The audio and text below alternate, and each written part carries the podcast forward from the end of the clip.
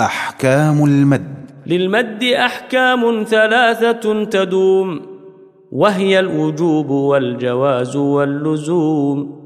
فواجب إن جاء همز بعد مد في كلمة وذا بمتصل يعد.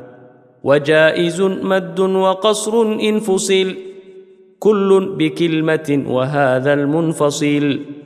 ومثل ذا إن عرض السكون وقفا كتعلمون نستعين أو قدم الهمز على المد وذا بدل كآمنوا وإيمانا خذا ولازم إن السكون أصلا وصلا ووقفا بعد مد طولا